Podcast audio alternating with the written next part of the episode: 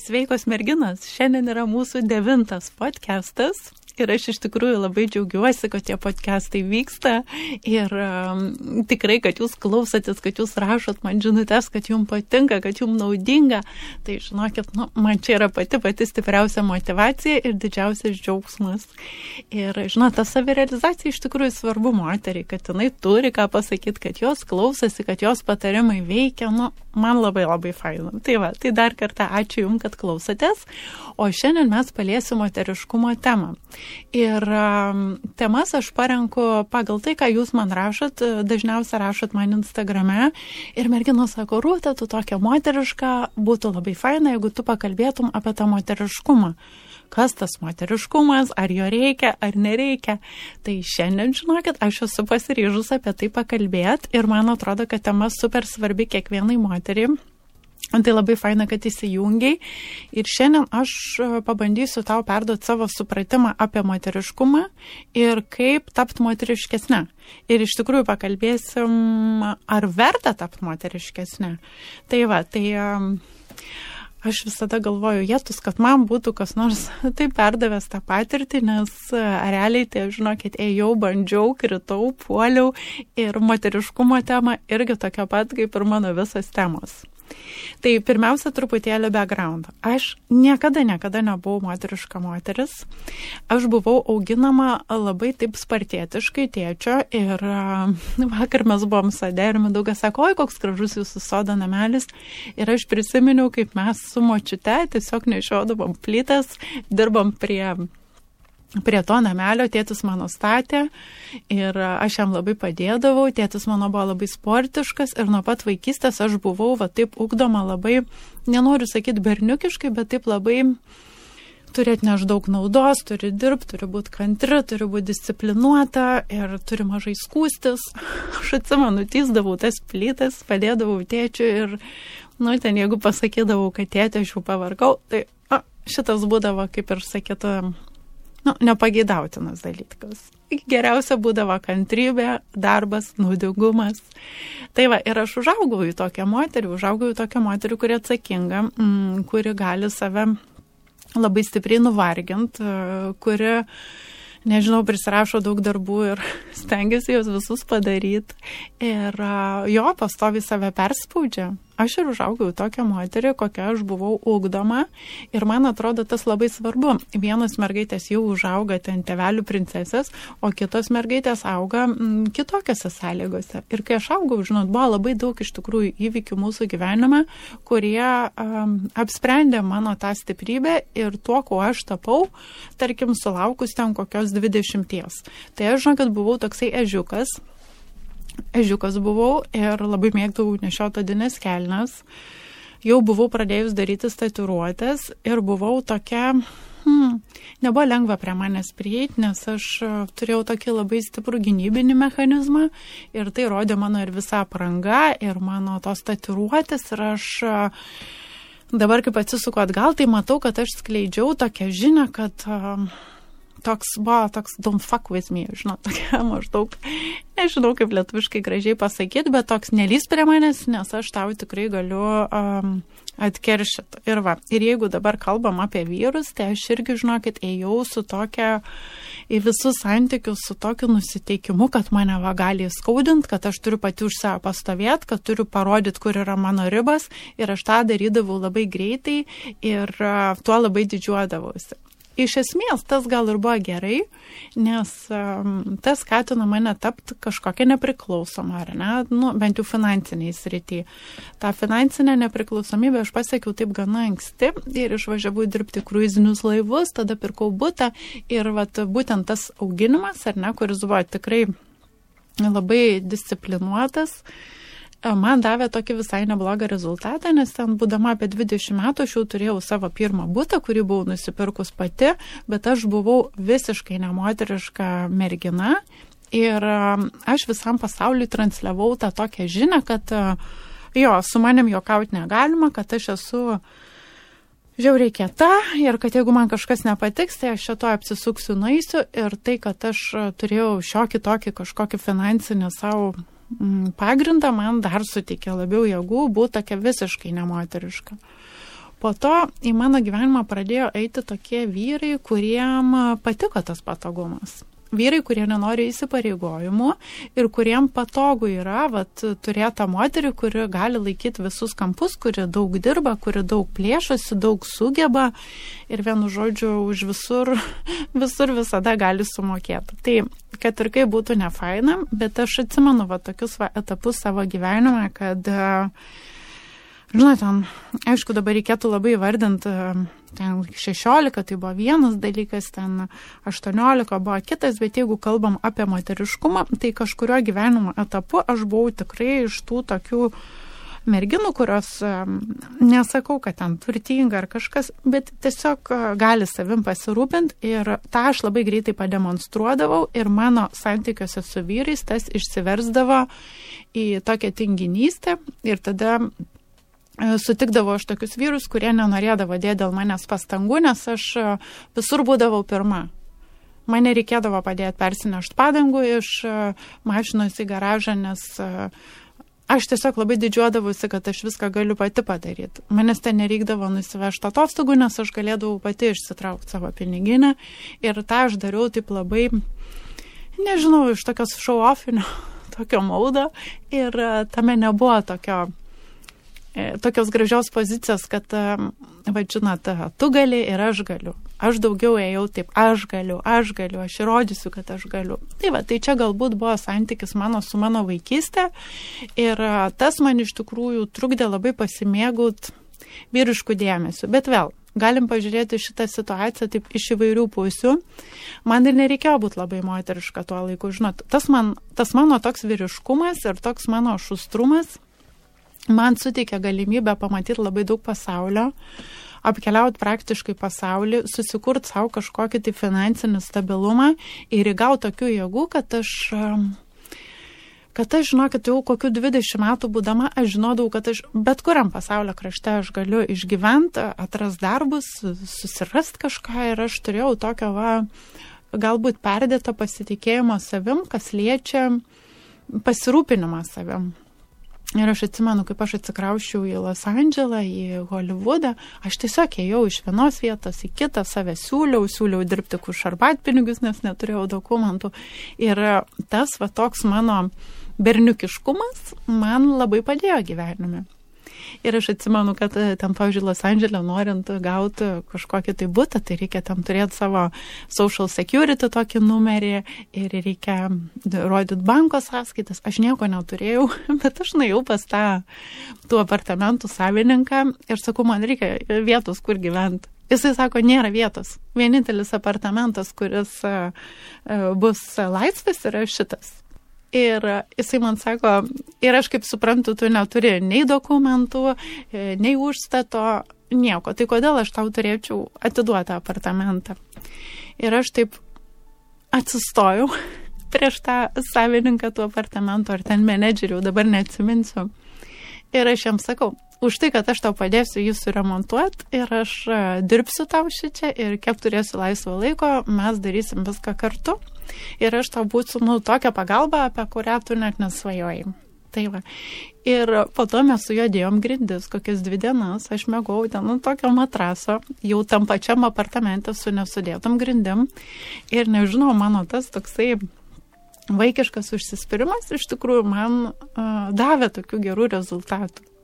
Tai va, tai nebuvo aš labai moteriška, bet uh, visos tos savybės, kurios uh, šiandien skaitomos kaip nemoteriškom ar ne, man padėjo gyvenime. Tai va, tai jeigu tu esi iš tų moterų, kur, nu, sakykime taip grubiai, aš jau dabar vartoju žodžius, kuriuos aš išgirstu iš jūsų. Mergina sako, oi, aš tokia kampuota, oi, aš tokia berniukiška, oi, aš ten labai ant savęs viską įmuosiu. Ok, gal tau šitam gyvenimo etape to ir reikia. Nes aš, jeigu žiūrėčiau atgal iš moteriškumo pozicijos, tokia kokia aš esu šiandien, sakyčiau, oi, kokia buvau nemoteriška ir tikrai kokius vyrus pritraukdavau, kurie ten pasinaudodavo mane, aš būdavau jiem patogi ir visa kita, bet lygiai taip pat į tą pačią situaciją galiu pažiūrėti iš tokios pozicijos, kad man tada reikėjo būti tokiu berniukišku berniukiška tokia asmenybė, tokia kampuota, tokia stipria, tokia užsispyrusi, kad aš ateičiau į tą gyvenimo tašką, kuriam aš esu šiandien. Tai va, taip kad merginas aš žiūriu praeitį visada kaip į kažkokį resursą, kaip į pamokas ir aš niekada nesakau, kad oi, aš ten taip ir taip. Aš viską suprantu, kas vyko mano praeitį, kad suformavo mane tokia moterim, kuria aš esu šiandien. Ir tau siūlau labai padaryti tą patį, nes kartais aš sutinku merginų ir jos tiesiog, oi, aš tokia, aš anokia, ir vanoja save tokiais bizūnais. Tikrai nėra ko vanot, nes kažkas aukščiau žiūri tos mūsų gyvenimus, juos tvarko ir jeigu buvom tokias, tai reiškia, mums ir reikėjo būti tokiom, kad įgytumėm vienas ar kitas pamokas. Kaip mano draugė sako, kartais mes tiesiog esam per mažos suprasti visą savo gyvenimo paveikslą. Taip, kad jeigu tu esi viena iš tų, kuri dusina save dėl to, kokia tu esi šiandien, tai aš tau galiu pasakyti du dalykus. Požiūrio klausimas, kiek tu tą tęsi ir aš tau praktiškai galiu pažadėti, kad po penkių metų ar dar kažkada tu ateisi į tą gyvenimo etapą, kai šitas etapas tau bus suprantamas ir tu žinosi, kodėl viskas vyko taip, kaip vyko. Taip, kad gali atsipalaiduoti ir nustoti save drošti jau dabar. Girdi? Gerai, dabar pratesant, pratesant moteriškumo temą, kai aš jau apsigyvenau Lietuvoje, aš pradėjau darytis tokia nepatenkinta savo santykiais, nes nuėjau į vairius seminarus, prasidėjo tas vedinis laikotarpis, pradėjau traukti iš spintos įvairius sijonus, ieškoti savieto moteriškumo ir pradėjau savo namuose kelti tokius klausimus, kodėl aš viską turiu daryti, kodėl tiek daug finansų turi krist ant mano pečių, arba ten, kodėl aš turiu pati tvarkytis mašiną. Žinot, aš ėjau į tos seminarus, kaip dabar pamiršau, Tarsunovas gal buvo toks irgi. Daug buvo visokių festivalių, vedinių paskaitų, moteriškumo toks etapas. Ir aš pradėjau ieškoti savyje tos moters ir vienu etapu buvau įtikinta, kad jeigu aš būsiu moteriška moteris, tai mano santykiai pagerės ir vyrai šalia manęs taps vyriškesni. Dabar, ar tas buvo tiesa, tai irgi tiesa. Ar aš kažkurio metu perspaudžiau, tai irgi jo, bet perspaudžiau tik tai todėl, kad aš ieškojau, žinot, kokia aš norėčiau būti. Ir kadangi mano tarp atsirado daug tokių moteriškų moterų seminarų vedėjų, mes ten ėjom su savo, aš jau su savo geriausia draugė, tai jinai irgi labai į tą buvo linkus, tai mes, nu, tą moteriškumą, kaip sakyti, ir tą savo gimdą ir visą tą savo moterišką energiją auginom ir skleidėm labai panašiu metu. Tai va, tai... Oi, aš galiu ką pasakyti, kad mano mm, santykiam tai nebuvo gerai, nes kaip aš užsimaniau perėti savo tokią labai nu, ką aš tada vadinau moterišką energiją, o dabar atsisukus atgal aš pasakyčiau, kad aš norėjau pusę tų pareigų, kurias aš turėjau savo ilgalaikiuose santykiuose, savo šeiminiuose santykiuose, aš norėjau pusę tų pareigų numest, nes e, aš pradėjau norėti, kad ir vyras manim rūpintųsi ir kad ten jisai atostogas organizuotų, aš jau nebenorėjau būti, kaip sakyt, laikyti visų tų kampų. Ir jo, ir tas netiko mano tų dienų gyvenimo partneriui, nes um, aš nesakau, kad ten buvo kažkas blogai, bet uh, tiesiog, žinot, kai būna, vat, mes pritraukiam tam tikrus žmonės um, dėl savybių, kurias turim. Ir jeigu mes pradedam kažką keisti savo vidui, tai ne visada tas kitas žmogus suspėja su mumis arba ne visada jisai nori keistis. Tai va, tai iš tikrųjų viena tokia iš didelių mm, iš tokių didelių mano išvalgų, iš supratimų yra ta, kad e, labai svarbu, kad tu gyventum su žmogum ir sugebėtum išlaikyti ir tą meilę, ir tą pagarbą, ir tą norą keistis kartu ir derintis viens prie kito. Tai va, tai tuo metu uh, mano santykiai žlugo, nes pas mane nu, tipo, aš taip grubiai pasakysiu, atsirado ale daugiau meilės savo, bet jeigu taip paprastai žodžiais neviniojant, tai aš pradėjau norėti, kad jisai nu, imtųsi tiesiog daugiau tų pareigų tokių ir taptų labiau vyrišku. Tai jisai tokiu vyrišku tapti nenorėjo. Ir man tas pradėjo nebetikti. Tai va, tai po to dar daug kas iš tikrųjų gyvenime įvyko, bet kaip į mano gyvenimą atėjo Mindaugas, tai tada situacija vėl pasikeitė.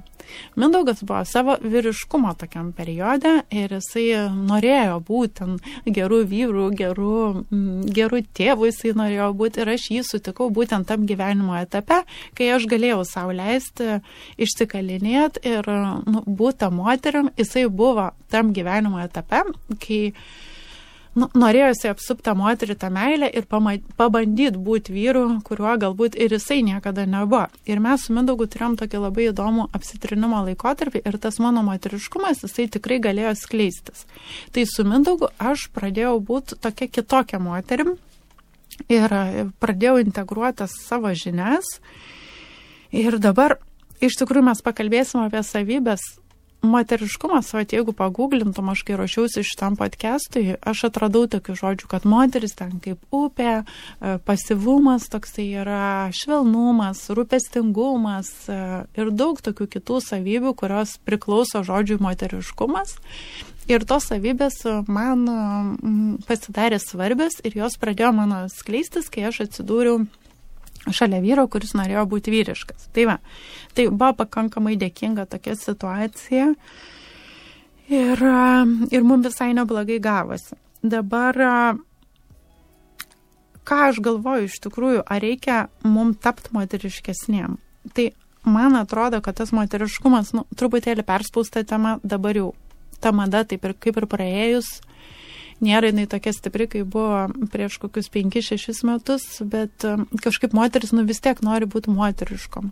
Tai aš gal moteriškumo taip nesureikšminčiau kaip pačio moteriškumo, aš gal sakyčiau, kad kiekvieną kartą, kaip mes pakeičiam savo elgesį, tai mes gaunam skirtingus rezultatus savo gyvenime. Tai jeigu tu esi nepatenkinta su tuo gyvenimu, kurį tu kuri šiandien, jeigu tau nepatinka, kaip šalia tavęs elgesi vyras, vaikai, ar ten bendradarbiai, ar ne, tai gali būti, kad tavo elgesį reikia kažką keisti.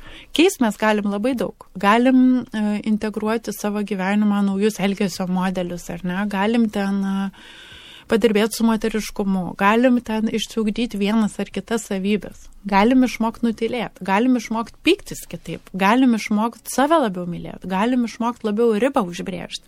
Tai, va, tai moteriškumas yra tik tai vienas iš dalykų tokiam, nežinau, dideliam gyvenimo supermarkete, kurį mes galim, kaip sakyt, um, įsinešti savo gyvenimą. Tai va, tai aš kai kalbu apie moteriškumą, tai galvoju, nu, bet ar man reikia ten pavyzdžiui, vieną savybę savo sustiprinti ar kitą. Aš buvau labai tokia veikli, veikli tokia, manęs būdavo per daug, žinot, vyras šalia manęs nespėdavo padaryti dalykų, aš buvau tokia labai konkurencinga ir aš e, viską būdavau tokia, nu, aš jau pirmą padarau, aš geriau padariau, aš daugiau padarau. Man reikėjo šitų savybių atsikratyti, nu, neatsikratyti, kažkur jas pasidėt galbūt, kad aš galėčiau uh, turėti uh, gražesnius santykius. Tai va, tai ar reikia dabar eiti tą tokį nemoteriškumą ir ten ieškoti savyje deivės ir visa kita, tai gal ir ne.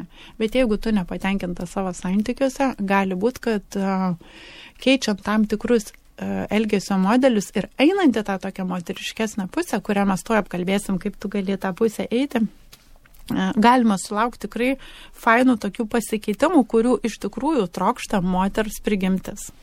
Tai dabar aš noriu, kad e, man patinka iš tikrųjų, kaip Mindaugas rūpinasi visais mūsų finansais. Mes abu dirbam ir tikrai dedam daug pastangų, bet jis yra tas, kuris rūpinasi tais finansais, ar ne? Arba jis yra tas, kuris daro ten nu, daugumą vyriškų darbų mūsų namuose, ten mašiną prižiūri, ar net ten kažką tvarko, taiso.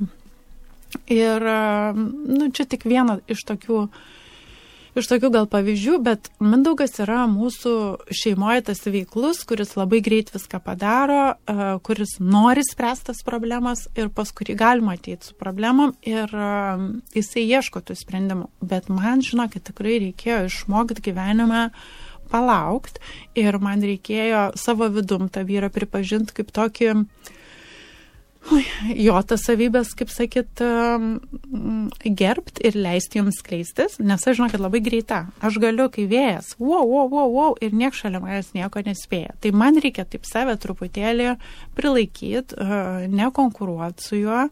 Ir aš kai neskubu, va taip, ir ir elgiuosi, sakykime, moteriškiau, ar ne, kaip sakyt, moteris, nu čia tipo ta kiaušelastė, kuri vyras, tai sako, spermatozoidas, kuris bėga, bėga visur, o moteris ta tokia ramesnė, priimanti, laukianti. Tai man tų savybių reikėjo, kad aš būčiau laimingesnė.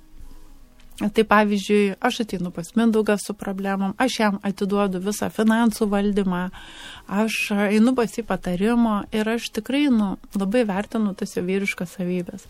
Dabar ar aš esu kažkokia pasyvi santykiuose, nu tikrai ne, bet aš matau, kur man reikėjo pasišlifuoti. Tai va, kad, kad bent jau jisai spėtų kažkaip pasireikštų. Ir šiai dienai, mm, va tos savybės, kurias aš turėjau pas save pažadinti, man jos e, davė geresnį rezultatą. Nes e, tokia, kokia tu matai mane šiandien per Instagramą, tai aš jau esu tikrai visai kita moteris, negu kad aš buvau, kaip man buvo 20. Dingo, kaip ir sakau, tas agresyvumas e, tas noras toksai įrodinėt, kad tu kietesnė, ta konkurencija santykiuose Na, aš labai daug žaidžiau įvairių tokių rolių, kurių man teko atsikratyti, auka, po to kremti, kad tu čia viską darai, dėl visų stengiasi. Va. Tai aš dabar tikrai esu nuėjusi tokią švelnesnę, moteriškesnę energiją, bet aš ir turiu šiai dienai šalia savęs vyrą, kuris man leidžia tą daryti. Dabar, ačiū Dievui, mums pavyksta abiem susiderinti šiai dienai. Bet iš tikrųjų, ta situacija gali labai labai greitai pasikeisti ir aš jo, savį turiu labai daug dėkingumo, nes aš tikrai negalvoju, kad aš čia kažkaip, žinot, sukūrus kažką kietesnio, fainesnio, ar aš geresnė už kitus. Aš žinau, kad tai, kas man yra duota, yra labai trapu ir aš tą turiu labai saugoti, nes niekad gyvenime nežinai, į kokią situaciją tave įmes ir kokias savybės tau reiks suaktyvinti. Tai va, tai visas tas savybės, tokias, kurias aš turėjau anksčiau, kurios buvo, sakykime, berniukiškos, aš jas turiu ir man gali prireikti jų iš tikrųjų ir aš žinau, kaip jas išsitraukti. Tai va, tai ką aš labai rekomenduoju tau padaryti, tai mm, paklaus savęs, ar tu tikrai nori būti moteriškesnė. Ar tau šiai dienai reikia tų savybių. Nes mes labai dažnai nu, prisirašom savo visokių lygų, o aš ten nemoteriška, o aš tokia. Ir e, dėl to, kad, nu, nežinau, šalia tavęs yra kažkokia moteris, kuri galbūt moteriškesnė. Bet iš tikrųjų, ar tau reikia tų savybių? Gal tau kaip tik šiam gyvenimo etape reikia visai, visai ko kito. Tai va, tai man atrodo, moteriškumas yra, nu, toks. Uh, labai labai siauras, siauras dalykas, į kurį gal net nereiktų labai kreipdėmėsio. Kaip ir minėjau, čia vienas iš dalykų, kurį tu gali savo gyvenimą kažkaip puoselėt. Dabar, kas liečia tam, pavyzdžiui, rūbus. Tai rūbai iš tikrųjų labai padeda, imkim tokius visai paprastus dalykus. Aš anksčiau vaikščiau tik su odiniam kelniam ir tik su juodais rūbais ir mano tie rūbai, jie visi nešia tokį message, kad uh, nelys prie manęs, aš galiu pati apsiginti. E, aš labai gerai žinau, kad jeigu aš užsidedu kažkokias tai gražesnės ten kelnes ar ne tokias e, labiau apgaubiančias mano formas ar dar kažką, tai e, aš tikrai gaunu daug daugiau ir vyriško dėmesio, ar ne, ir iš savo vyro, ir, ir šiaip iš aplinkos, ir aš jaučiu, kaip pasikeičia žmonių elgesys, jeigu aš nusimetu savo šarvus. Tai visas mažos detalės iš tikrųjų įtakoja, kaip su mumis elgesi kiti žmonės ir kaip mes save matom. Nu, tai va, tai jeigu tu niekad nebandai tokių visų, tokių paprastų dalykų, tai kodėl tau jų ir nepabandžius? Aš, pavyzdžiui, žinau, kad jeigu aš užsidėčiau kokį, nu, nežinau, dabar ateina į galvą gėlėtą korsetą ar kokią nors tenai satino sijoną, tai aš žinau, kad tikrai, tikrai vyrai su manim elgtųsi visai kitaip, negu kad aš ateinu ten su kompu, su odiniam kelniam į kokį susitikimą. Tai va, tai rūbai padeda, bet iš tikrųjų tas uh, rūbai padeda tokiam pradiniam labai laikotarpiai. Vėliau jau yra energija ir dabar šiai dienai aš jau žinau, kaip tą savo energiją valdyti, kaip aš galiu tiesiog nueiti tokią labai moterišką energiją ir duoti vyrui vietos skleistis, net ir būdama sodiniam kelniam. Ir uh, tiesiog su savo balso tonu, su savo visa visa energetika. Bet uh, pradžiai, jeigu tu vat jautiesi, kad ten ar tu esi nematoma, ar ten, nežinau, ar tavo vyras ten elgesi su tavim tiesiog kaip su patogiu baldu. Mm, tai va tokie paprasti dalykai kaip rūbai e, tikrai, tikrai gali padėti. Aš irgi žinau, kad aš, žinot, būnu, pavyzdžiui, namuose su tokiam baisiom treninginiam kelniam, turiu dar tokį pukuotą viršų ir, ir būnu tokia darbinė bitė užsidedu akinius, paskaitau e-mailus, tada pradedu ten tvarkyti, traukti šiukšlių maišus, ten šveistas mintelės ir nueinu į tokią grinai, tokios, nežinau, net tokią galbobišką energiją.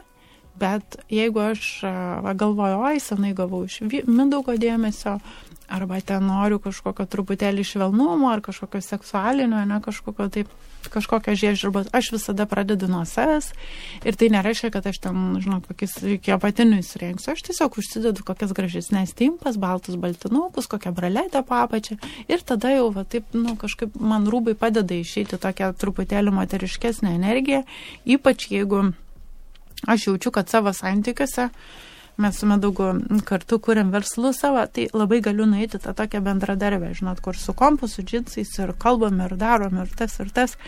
Ir tada man reikia kažkaip paieškoti to lytiškumo tarp mūsų ir aš tada, jo, rūbai, makiažas, plaukai, va šitie dalykai man tai padeda truputėlį sugrįžti tokį, kad aš jau būnu bent jau matoma vizualiai kaip moteris.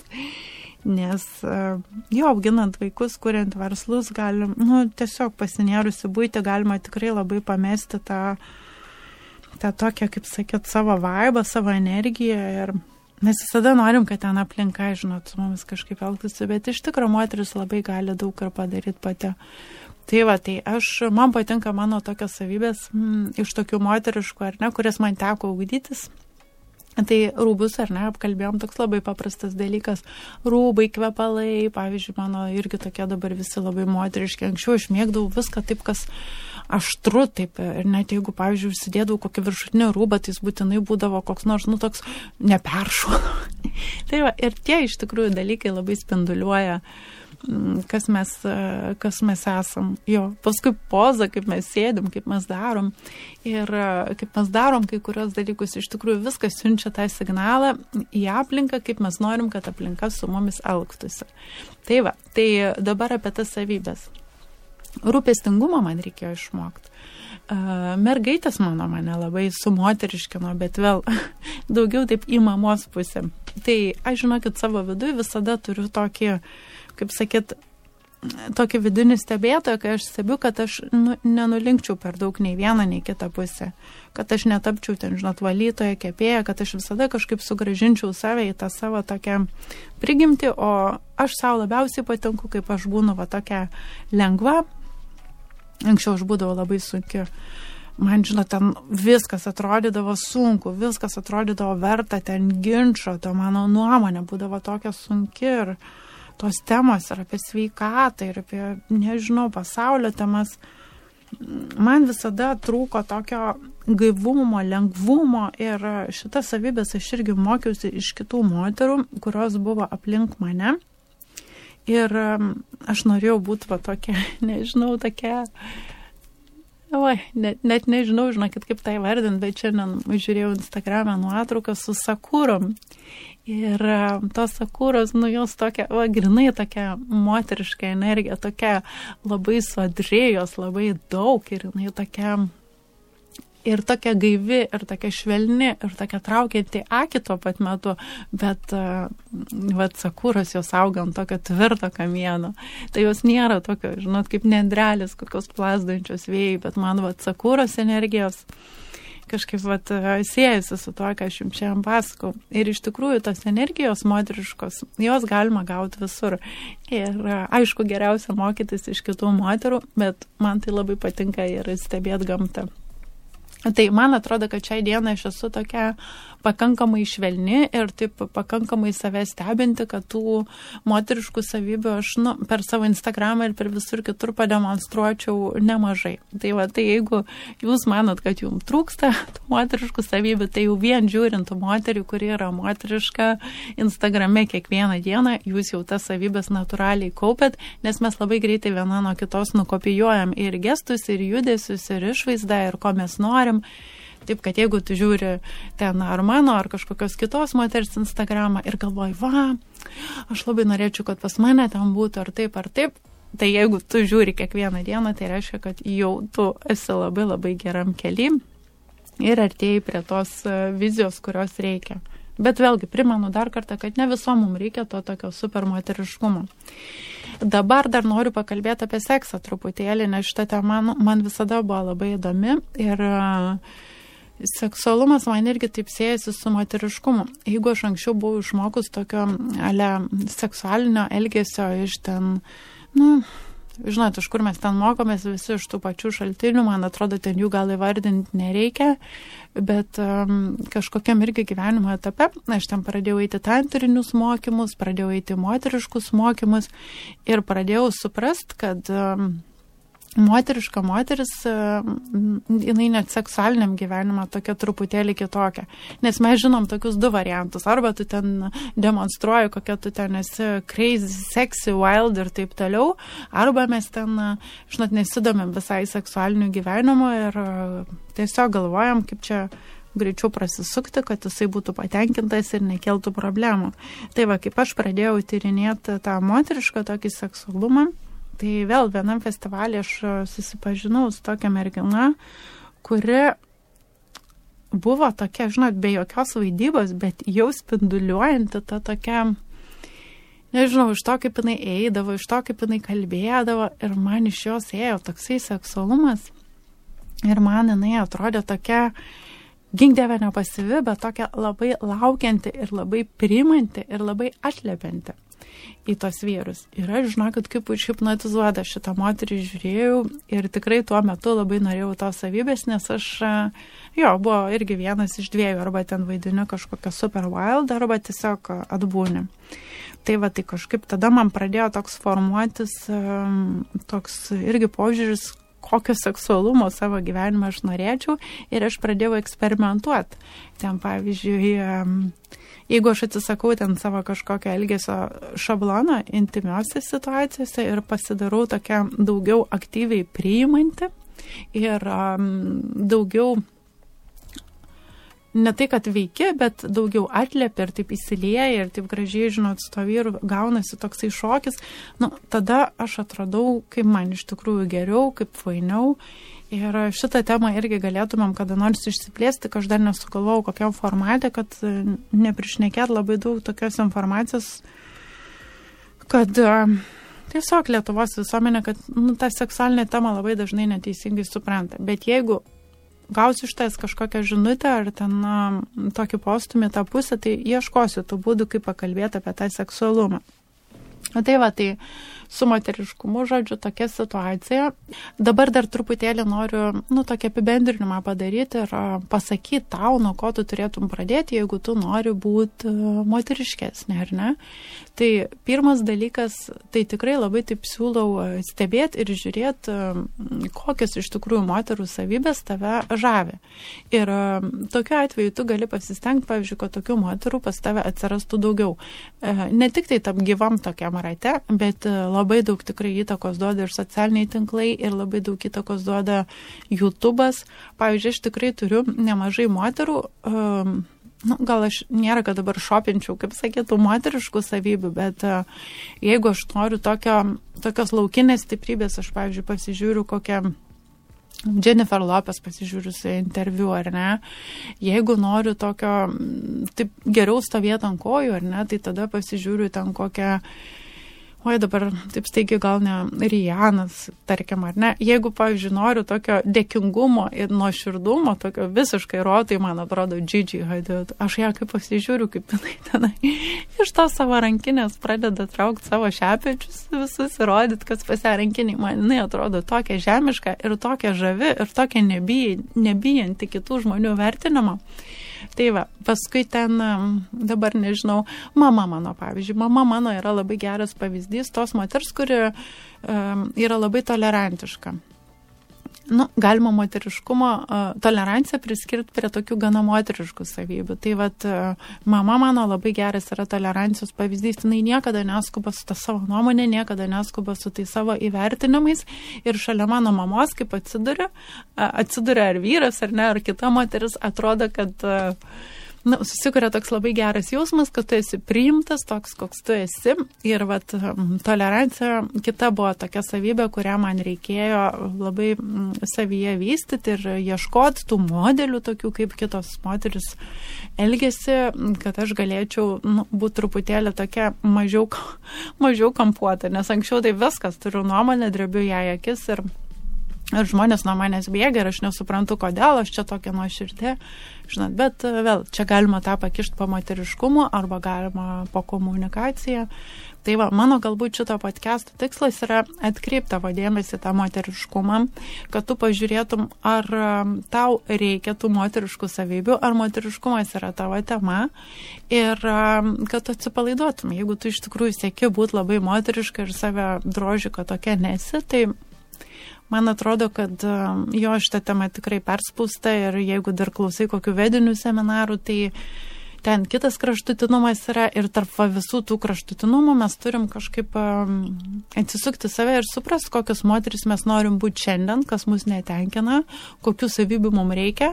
Vienai reikės labiau, žinote, na, moteriškumo ir galbūt rūbai bus gera pradžia, ar ne, pakeitus savo garderobą vis tiek nuo kažko reikia pradėti.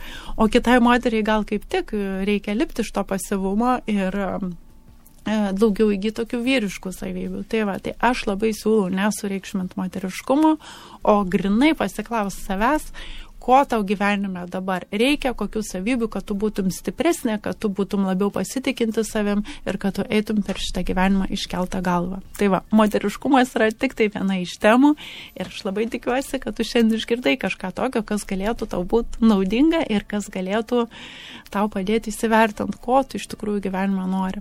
Ir užbaigiant, aš tikrai pasakysiu, kad uh, Mano galbūt pagrindinė tema buvo, vat, ieškant tokio laimingesnio gyvenimo, buvo ta tokia ta santykių su savim, aišku, ir santykių su vyrais.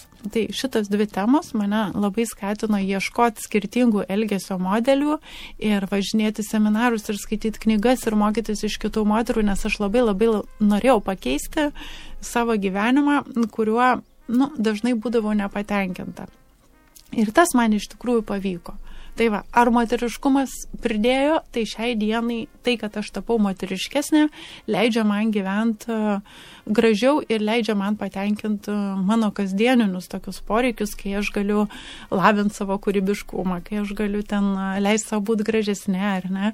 Nes vyras tikrai imasi didelio kiekio va, tokių dalykų, kurie anksčiau galėjo ant mano pečių. Tai va, merginos, tai tikiuosi, kad jums patiko šitas podcastas. Aš visada laukiu jūsų komentarų, visada laukiu jūsų žinučių ir labai džiaugiuosi, kad jūs esat ir mes kartu galim padiskutuoti šitom temom. Taip kad atsisveikinu ir iki susitikimo kitam podcast'e. Ate.